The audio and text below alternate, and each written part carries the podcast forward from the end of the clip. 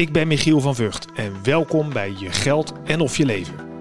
De podcast die jou helpt betere keuzes te maken ten aanzien van je geld en je leven. Mijn doel? 10 miljoen mensen inspireren hetzelfde te doen. En jij kunt meehelpen door deze podcast 5 sterren te geven bij Apple, Google en Spotify. Leuk dat je luistert. Deze podcast is overigens mede mogelijk gemaakt door NNK Vermogensbeheer. Ja, leuk dat je luistert of kijkt, want sinds kort dus ook te zien op YouTube. Kennelijk doen mensen dat, podcast kijken. Uh, en ik zit hier vandaag niet alleen, ik zit in de studio met Egbert Berkhoff. Jullie zien hem nou in beeld. Egbert, uh, leuk dat je er bent. Welke camera? Uh, jij mag die camera kijken, recht voor je. En zo zijn we samen in beeld voor de mensen thuis. Um, leuk dat je er bent. Jij bent directeur en eigenaar bij NNK Vermogensbeheer. Al, al decennia loop je hierin loop je mee. En um, het leek mij aardig om met jou eens in gesprek te gaan over een begrip waar we de afgelopen maanden ineens wat over horen en waar jij al jaren voor waarschuwt. Um, ik weet namelijk dat, uh, een beetje als inleiding, dan gaan mensen zo vast herkennen waar het over gaat. Maar ik vertel wel eens vaker in uh, presentaties dat mijn kapper weet al jaren wat ik doe. En die komt op bepaalde momenten ineens met iets in de lucht bij mij. Van joh, die crypto, hoe zit het daarmee? Nou, dan weet je, als het daarover gaat, dan is het echt mainstream. En dat ligt niet aan mijn kapper, maar meer gewoon dat het dan heel bekend is. En nu begon ze bij mij ineens over uh, inflatie. Inflatie waar we het al jarenlang over hebben. Pas nou op voor die inflatie op lange termijn. De mensen hadden het er nooit over. En nu ineens wordt iedereen geconfronteerd. Dus het leek me gaaf om met jou, of gaaf, nuttig, om met jou in gesprek te gaan over wat inflatie nou eigenlijk is, wat het betekent, uh, wat je daarmee moet doen of niet moet doen, wat het voor de beurs betekent, nou, al dat soort zaken. Oké. Okay. Ja, dus um, nou, laten we misschien even beginnen voor de mensen. Ja, ik denk dat iedereen het inmiddels wel weet, maar wat is in een simpele uh, bewoording eigenlijk inflatie? Ja, inflatie zou je kunnen zeggen dat je koopkracht uh, achteruit gaat, ofwel eigenlijk de prijzen gaan omhoog. Dus alles om je heen wordt duurder. En belangrijk om te realiseren, en inderdaad wat je zegt, je ziet het nu in de, in de kranten uh, ontstaan en je ziet het uh, bij looneisen ontstaan. En ja, alles wordt duurder, mensen voeden dat ook. En dat is ook zo, we zien het ook aan de cijfers. En een, een prijsstijging, dat kan eigenlijk maar op twee manieren gebeuren. Dat is namelijk de, de, balans tussen vraag en aanbod wordt als het ware verstoord. He, dus stel, ik heb tien sinaasappels en ik heb twintig mensen die een sinaasappel willen. Nou, dan is de kans groot dat de prijs van mijn sinaasappels wat omhoog gaan. Ja, precies. He? Krijg ik er in één keer tien sinaasappels bij en er vallen wat mensen af die het willen. En ik heb twintig sinaasappels en maar tien mensen die het willen. Dan heb ik kans dat de prijs wat omlaag gaat. Nou, dus die prijs... Dat noem je deflatie dan, hè? Dat noem je dan deflatie als, als prijzen weer zakken. Ja. Ja. Gebeurt niet zo vaak. Over het algemeen zijn we wel, hebben we geaccepteerd dat de prijzen gemiddeld met een procent of twee wel stijgen. Dat is ook een beetje de doelstelling van de centrale banken in de westerse wereld. Maar we zien nu eigenlijk de stijging harder dan 2% en dan raken mensen in paniek. Ja. En de vraag is natuurlijk van ja, als dan, waar komt nu die inflatie vandaan? Als ik het aan jou vraag. We hebben vraag en aanbod, die is dus wat uit balans. Waar, wat is nou de grote driver? Is het nou aan beide kanten of is het nou juist aan de vraagzijde of is het aan de aanbodzijde? Uh, nou, dat is eigenlijk wel een goede vraag. Ik denk beide eigenlijk wel een beetje. Volgens mij zit, zit er een heel groot deel van de inflatie komt door energieprijsstijgingen, waardoor er misschien wat meer energievraag is. En natuurlijk ook sowieso is het aanbod lager door de toestand in Rusland. Maar als oké, okay, energie is een mooi punt om daar eens uit te lichten. Is dat nou vraag of aanbod? Ze uh, vragen we nou zoveel meer naar energie dat daarom nu de prijs ja, Ik denk dat daar het vooral het aanbod is. Ja, dus ja. het aanbod, hè, Russisch gas. Ja. Uh, met name in Europa zie je dat dus ook. Dus dan zie je als onderdeel van de inflatie energieprijzen.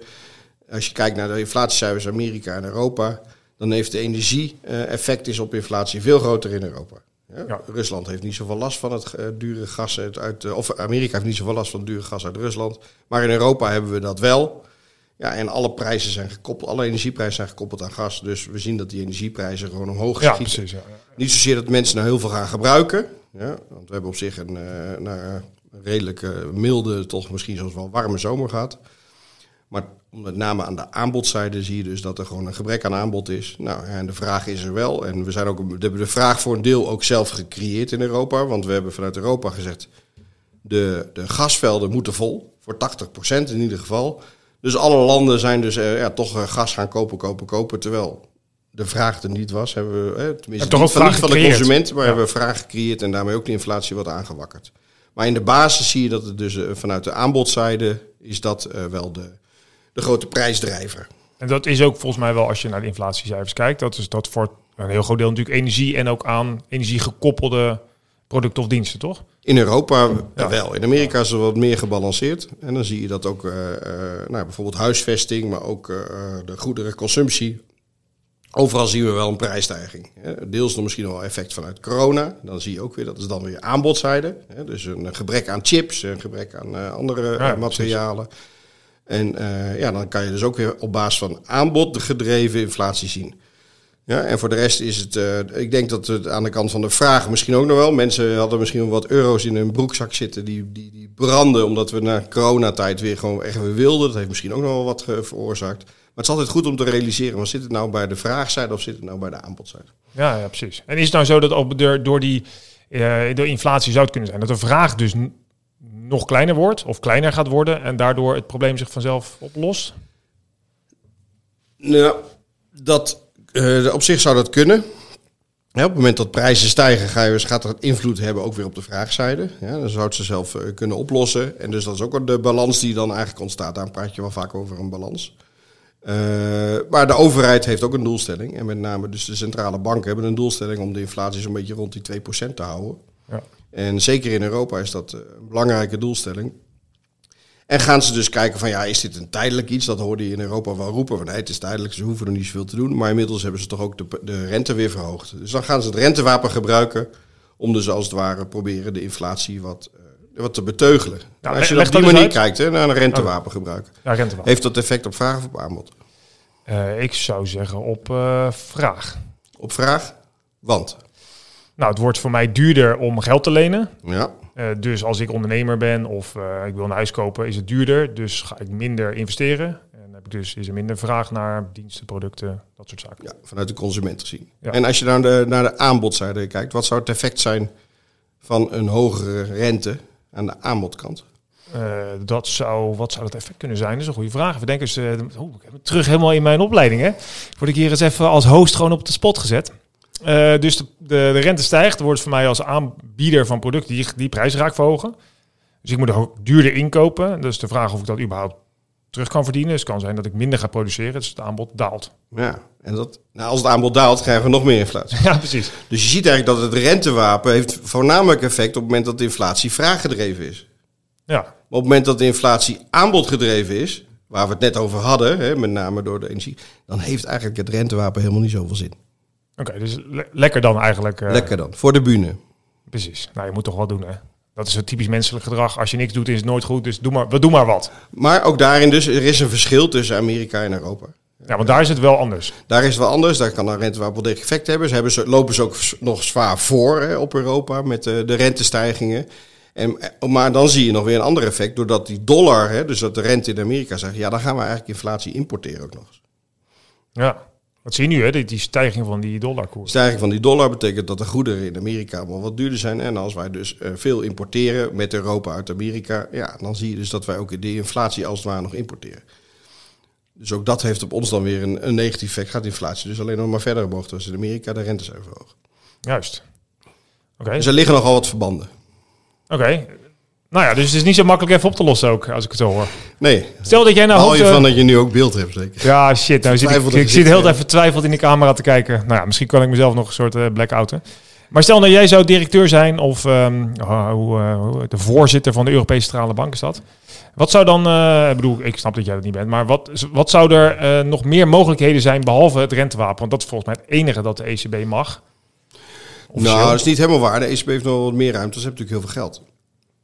Ja, dus uh, ze kunnen ook uh, naast de rente die ze stellen, kunnen ze natuurlijk ook wel geld beschikbaar maken. Hè. De quantitative easing, misschien wel eens van gehoord, is dat je dus heel veel rente of geld in de markt pompt. Ja. En daarmee economie probeert aan te jagen. Het gevaar is dan ook weer dat je daar inflatie mee krijgt. Dan krijg je weer de vraaginflatie. Ja, dan krijg je vraaginflatie en je gaat gewoon, en je gaat gewoon de geldpersen vol openzetten. Nou, ik heb hier een briefje bij me. Het leuk dat we beeld hebben. Ja. Dit is officieel door de Bank van Zimbabwe uitgegeven noot. Ja, dat is een bankbiljet van uh, 100 triljard Zimbabwaanse dollars. Kijk eens aan, dat is lekker veel nullen. En dat zijn veel nullen. Ja. En hoeveel zijn het er? Ik zie het trouwens wel. Het zijn er... Uh, ja, hoeveel zijn het er? 1, 2, 3, 4 keer 3 is 12. 14 nullen. 14 100 miljard. Hartstikke lekker zeg. Dus 100 keer een getal van 12 nullen, ja. Ja, en dat kan je krijgen als jij, geen, uh, als jij een, relatief kleine economie hebt. Dan, ja, als je dan de geldpersen aan gaat zetten, ja, dan ga je zoveel geld beschikbaar maken dat eigenlijk het geld weinig waard wordt. Ja. Dat betekent dat je dus heel veel geld moet meenemen om gewoon basisgoederen te kopen. Ja, dus dat je met een kruiwagen van geld als het ware een brood moet gaan halen. Nou, dat, dat, werkt niet. Dus gaan mensen nieuwe briefjes drukken en dan krijg je heel veel nullen op je briefjes. Ja, ja, ja, en dat is, mogen we blij zijn dat wij in Europa of in Amerika en de westerse wereld, dat daar onze wieg heeft gestaan. Want wij kunnen eigenlijk redelijk ongelimiteerd, tenminste, dat dachten we al de afgelopen jaren, gewoon uh, en de rente heel laag, negatief, en geld beschikbaar stellen. Dus gewoon kopen, kopen, kopen. Hè, dus uh, schuldpapieren kopen van de wat nou ja, minder stabiele landen in Europa. En ja, zo konden we heel veel geld beschikbaar stellen. En inflatie bleef toch achter. Maar het was ook wel wachten tot er eens een keer wat aan inflatie uh, zou komen. Nou, die is dan nu. En dan deels door, uh, door de aanbodgedreven energieprijs, maar ook wel, uh, de, je ziet de inflatie ook wel wat breder ontstaan hoor. Dus. Ja, gelukkig maar dat wij dat kunnen. En andere landen die niet zo'n sterke munt hebben, die kunnen dat niet. Maar wat gaat dit nu, kijk, dus voor de mensen zelf is dit, die merken dat, ik, ik geef, valt mij op, ik, wij kopen nog wel eens zakjes geraspte kaas voor ons op de pizza, die we dan zelf maken. En die zakjes waren altijd 2,89. Ik weet niet, op een of andere manier heb ik me dat herinnerd. En die zijn nu 5,89. Ja. Het valt me wel op dat ze in prijs fluctueren, want soms zijn ze in één keer 3,79 en dan weer 5,89. Dat is extreme inflatie natuurlijk even op dat stukje kaas. Dus mensen merken dat natuurlijk ook wel echt in hun portemonnee. Ja, um, ook dat zit een stuk emotie in. Hè? Want we hebben, als we heel reëel zijn, hebben we natuurlijk de afgelopen misschien wel tien jaar enorm geprofiteerd van eigenlijk de supermarktenoorlog die er was. Zeker, ja. Hè? En uh, hele lage prijzen uh, uh, voor goederen kunnen krijgen. Als je de aanbiedingen ging shoppen, dan betaal je bijna niks meer voor, voor je goederen. Ja, en dat, en, daar, en dat zijn de mensen altijd heel snel weer vergeten. Ja, en kunnen heel snel weer... Eigenlijk is daar deflatie geweest, zou je kunnen zeggen. Ja, ja. Als, je de, als je goed aan het shoppen was geweest, had je er zeker met een goede prijsdaling gebruik van kunnen maken. Maar het nadeel is wel dat mensen er dan aan gewend raken en het dan voor lief nemen. En dan komt de inflatie, als die dan een keer komt, komt die extra hard aan. Ja, en dan is het ja, misschien niet helemaal reëel om dan al snel allemaal boos en van alles te, te worden. Want natuurlijk, eh, het feit dat wij nu ook wat hoge inflatie, met name door de energie hebben, dat komt ook wel omdat we ze toch solidair zijn. En dat we uh, nou ja, een streep in het zand hebben getrokken richting Rusland. Ja. En daar moeten we dan ook met z'n allen wat voor betalen. Ja. Is dan de verwachting dat.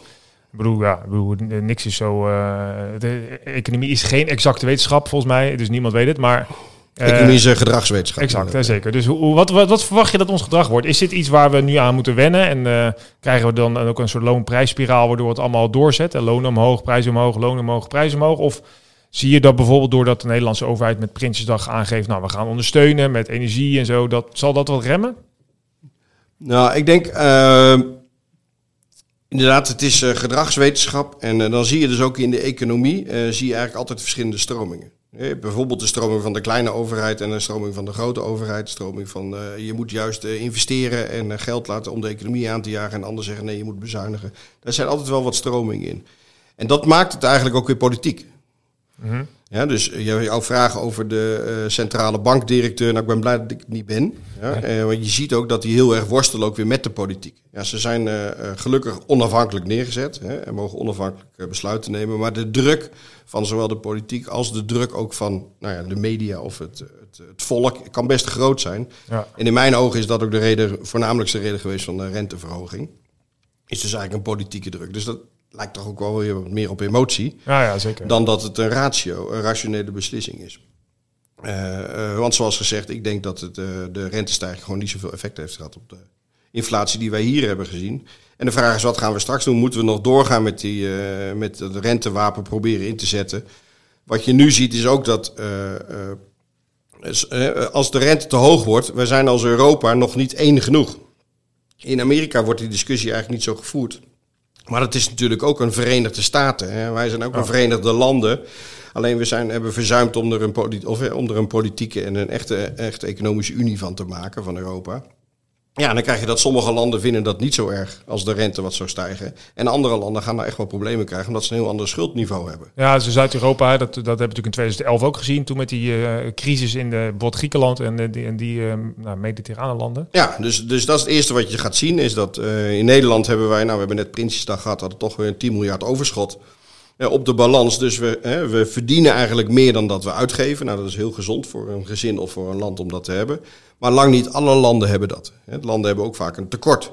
Nou, op het moment dat je tekort op tekort stapelt, krijg je dus een groot, eh, krijg je echt een grote schuldpositie als land. Nou, als je kijkt naar Nederland, zitten we rond de 60% denk ik, van het bruto binnenlands product aan schuldpositie. Maar, dit is wel even goed om uit te leggen, want hier, hebben, hier hoor je heel veel over op het journaal, lees je in de krant en mensen denken, joh, gedoe, meer uitgeven. Maar stel dat je dit even trekt naar je eigen persoonlijke situatie. Dan moet je je voorstellen dat je van wat je aan vermogen hebt, dat daar tegenover 60% schuld staat. Hè? Dus dan, dan, dat kan misschien nog wel bij ons in Nederland met alle hypotheken. Maar dat je dan ook jaar op jaar tekort komt. Dus dat je elk jaar bij moet gaan lenen. En dat je denkt, nou, ik neem een nieuwe creditcard en die top ik weer mijn volgende creditcard mee af en ik leen nog een keer hier. Ja, dat is natuurlijk niet houdbaar. Dat, dat kun je wel allemaal wel uh, inschatten. dus. Maar er zit dus iets voor, dat je geeft meer uit dan dat er binnenkomt. En ja, dat precies. moet je financieren en dan ga je lenen, lenen, ja, lenen om ja, dat te financieren. En daarmee verhoog je je schuldpositie. Dus je hebt aan de ene kant een winst en verliest. Nou, als die niet goed in balans is en je maakt meer verlies, dan gaat je schuldpositie gaat achteruit. Ja? Dus dan zie je dus dat je daarmee dus meer schulden krijgt dan vermogen. En dat betekent dus dat, uh, als je het even door les economie hier van uh, meneer Berkhoff, dat op het moment dat jij dus meer schuld hebt, ben jij voor een belegger of iemand die jouw geld gaat lenen ook minder interessant of, min, of misschien risicovoller. Dus ga je weer een hogere rente verwachten. En dan uiteindelijk krijg je zo'n soort neerwaartse spiraal. Ja, dan staat er onzekerheid en dan willen beleggers dus een hogere vergoeding voor, ja, voor het nemen van hun risico. Wat ook logisch is, want zo werkt uh, beleggen. Oké, maar goed, even terug. Jij was eigenlijk aan het vertellen van, joh, in Europa zien we dat we nou ja, Kijk naar zijn. Italië, die de schuldpositie veel hoger is. Hè. Dus een beetje, denk ik wel rond de 170 procent. Ja, dan zie je dat die zit er echt niet te wachten op een verhoogde rente. Anders dan, eh, dan Nederland. En dan zie je daar al wat haarscheurtjes ontstaan. Ja. Nou, dan gaat de Europese Centrale Bank zeggen, ja, daar gaan we wel extra wat Italiaans staatspapier op kopen. Nou, dat zijn dus nog wel wapens die ze hebben, waarvan ik ook wel denk dat ze die moeten gebruiken. Gaan ze die niet te veel gebruiken, dan is natuurlijk de vraag van wat gaat de politieke, maar ook de publieke opinie doen. Gaat de publieke opinie, eh, die heeft niet echt de neiging om naar zichzelf te wijzen, maar heeft altijd de neiging om naar een ander te wijzen. Dus waar gaan ze dan naartoe wijzen? Wie gaan ze de schuld geven van de misère zoals ze dat voelen waar ze in zitten? Ja. ja dat is toch al snel de politiek. En dan krijg je populisme in verschillende landen. Nou, we hebben het in Italië gezien, we hebben het in Zweden gezien. Maar dit, als je het even heel erg eh, eng maakt. In de jaren 30 uh, speelde de hyperinflatie in Duitsland. En toen kwam daar ook iemand aan de macht die zeg maar best wel populistisch was. En die ook een mooie vijand wist te vinden om uh, alle schuld aan toe te kennen. Uh, ja, klopt. Dus uh, ja, uh, ik weet niet of... De histoire repet. nou ja, precies, de geschiedenis herhaalt zich. Nee, da daarom zijn ook natuurlijk al... gelukkig is bij de bevolking is toch over het algemeen nog wel een, een, een, enorme wens om Europa in stand te houden. En ook de euro in stand te houden. Als je kijkt naar Frankrijk hebben ze wel de, de, de wat anti-Europa kaart probeerde Le Pen wel te spelen. Maar dat heeft, is toch wel door afgestraft. Ja. Dus je ziet eigenlijk nu in Italië en in Zweden dat die toch nog wel gemengd zijn op Europa, dus niet uitgesproken negatief zijn op Europa, want dat gaat ze misschien toch een electoraat kiezen, hè? dus kiezers uh, schelen. Dus ze zijn daar nog wat voorzichtig in, maar er kan van alles gebeuren. Dus het grote gevaar wordt ook wel uh, geroepen de laatste tijd. Het grote gevaar zit meer van binnenin in Europa. En niet zozeer van buitenaf van Rusland of van andere dingen die we denken, maar meer van binnenaf vanuit het populisme en we gaan we onszelf niet opblazen. Ja, oké. Nou, we zullen het allemaal gaan merken, want we weten het niet, helaas. Nee, maar een, nog een vraag aan jou dan. Als je nou stel je hebt uh, in nou heb jij als, als belegger of als privépersoon heb je meer schuld dan waarde. Of je hebt meer waarde dan schuld. Hè? Dus hoe ziet jouw balans in elkaar? Hoe moet je nou aankijken tegen inflatie dan? Nou ja, kijk, het hangt natuurlijk een beetje vanaf. Uh, maar in de algemene zin, mijn hypotheek bijvoorbeeld, die is uh, schuldvast. Dus ik weet gewoon, ik heb voor het gemak 100.000 euro hypotheek. En die wordt niet hoger met de inflatie. Uh, en stel dat mijn inkomen de komende jaren een, helemaal of een beetje meestijgt met inflatie, gaat hij dus minder zwaar voelen. Ja, dus, minder koopkracht in te leveren om straks jouw hypotheek af te hey, Maar 1000 euro rente voor het gemak, die voelt over misschien 10 jaar alsof het nog maar 600 is. Ik noem maar wat. Dus voor mijn schuld is het helemaal niet zo gek, inflatie natuurlijk. In principe heb je inflatie nodig om schuld af te lossen. Dus kan dit ook een hele goede strategie zijn om de Zuid-Europese landen een beetje te helpen, of niet? Hele hoge inflatie. Ja, dat Italië wat van zijn schuldpositie afkomt. Ja, nou, zo direct werkt het niet. Daar heb je wel tijd voor nodig, een lange visie. Ja. Nou, lange visie doen we denk niet. Denk ik niet dat wij uh, heel krampachtig moeten zijn over uh, een beetje inflatie. Zo erg is het helemaal niet. Nee, maar goed, 10% is wel uh, wat gortig. Ja, en dan is de vraag van hoe, hoe hoe blijft dat? Hè? Kijk, als je een 10% inflatie hebt gehad, dan is de prijs, zo even nog weer die sinaasappels, die zijn van een euro 1,10 euro geworden.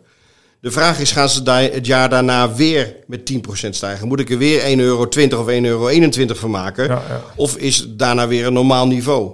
Dus inflatie op inflatie op inflatie, ja, dat moet je ook wel zien of dat ook echt gaat gebeuren. in principe is die prijsstijging is dan ook al wel de stijging geweest. Maar dat is natuurlijk een angst van de loonprijsspiraal. Op het moment dat iedereen maar continu zijn lonen blijft verhogen en je moet dat dus om marge te maken doorrekenen in je prijs, dan dat is een van die nadelen, toch? Ja, dat zou een van de nadelen. Daar wordt ook wel voor gewaarschuwd. Hè. Dus uh, we eigenlijk weer terug naar het poldermodel. En uh, ja, je moet ook realiseren, hè. je kan uh, enorme lonen vragen. Dat zullen de medewerkers van de VND ook vast gedaan hebben. Maar uiteindelijk is er geen VND meer. Nee, precies, ja. ja.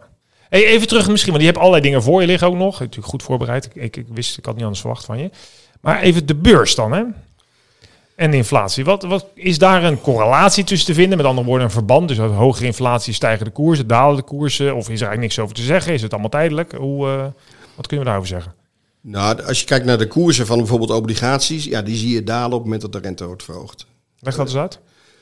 Ja, een obligatie is een afspraak die je met iemand maakt. Je leent geld, maar je maakt ook een afspraak om daar een vergoeding voor te krijgen en om ook je geld weer terug te krijgen. En natuurlijk afhankelijk van hoe stevig is die afspraak, daar zit een rentevergoeding voor. Op het moment dat de rente in de markt als het ware gaat stijgen, dan baal jij misschien wel van die afspraak die je hebt gemaakt. Want je hebt misschien een te lage rentevergoeding ja, ten opzichte wat je in de markt kan krijgen. Nou, en dat is wel het negatieve effect. Maar dus hoe langer je obligatie nog loopt, hoe meer je dan zal balen van, oh, ik moet nog tien jaar met Michiel eh, dat geld wachten tot ik het weer keer terugkrijg. Ik had het liever nu op de markt bij iemand anders, want de, de rente is wat verhoogd. Maar dan heeft die inflatie dus niet per definitie direct uh, gevolgen voor die obligatie, maar vooral doordat de rente verandert. Ja, dat de rente verandert, dan, uh, dan zie je dat dat effect heeft op obligaties. Dat zie je nu dit jaar natuurlijk ook, dat die obligatiemarkten onderuit gaan. Ja, inderdaad. Um, en de aandelenmarkt. Maar je zou kunnen zeggen, ja, de hogere inflatie is een hogere prijs even voor het gemak voor je sinaasappel. Dus maak je meer winst als sinaasappelproducent en gaat je beurskoers omhoog. Of werkt dat niet zo makkelijk? Uh, nou, niet altijd zo makkelijk. Kijk, in principe is de waardering van een aandeel is ook een, een, een reeks toekomstige cashstromen. Je verwacht dat een bedrijf wat winst gaat maken en uh, op, in de toekomst dus die winst wat naar je toe rekenen tegen een bepaalde rente. Ja, verwacht je dat het bedrijf een bepaalde waarde heeft. Op het moment dat die rente gaat veranderen, doet dat natuurlijk ook wat met de waarde van het bedrijf. Ja. Uiteindelijk moet je nog zien of die inflatie echt een effect heeft op de economische activiteit. Dus gaan wij nu in Nederland die recessie zien of niet? ik denk dat dat aan de ene kant het belangrijkste is. Uh, en dan blijf je nog steeds in dat economische behavioral finance framework zitten. Want als je naar de beurs kijkt, dan zie je dat er toch eindig, eigenlijk heel weinig relatie is tussen wat die economie allemaal ons laat zien en ons laat voelen en wat de beurs doet. Ja, het is heel gevaarlijk voor mensen om juist op het moment dat ze vanuit een economisch perspectief uh, wat angst ervaren, dat ze dat dan direct reflecteren naar de beurs en zeggen: ik ga daar met een omtrekkende beweging naartoe. Maar is dat ook niet dat je dat eigenlijk al een beetje ziet? Dus stel dat er nu zie je die, die beurskoersen vanaf 1 januari eh, zo'n 20% gedaald zijn, zo'n beetje gemiddeld in de wereld. Dat dat komt omdat wij als mensen angstig worden. Hè? Logisch, heb je dus minder vraag, meer aanbod. Uh, dus gaat de prijs omlaag, hetzelfde als met de sinaasappel. En dan, omdat we een beetje bang zijn voor wat er mogelijk gaat komen. En als dat dan komt, dan zijn we alweer gedraaid. Dus loopt het niet altijd een soort van achter elkaar aan?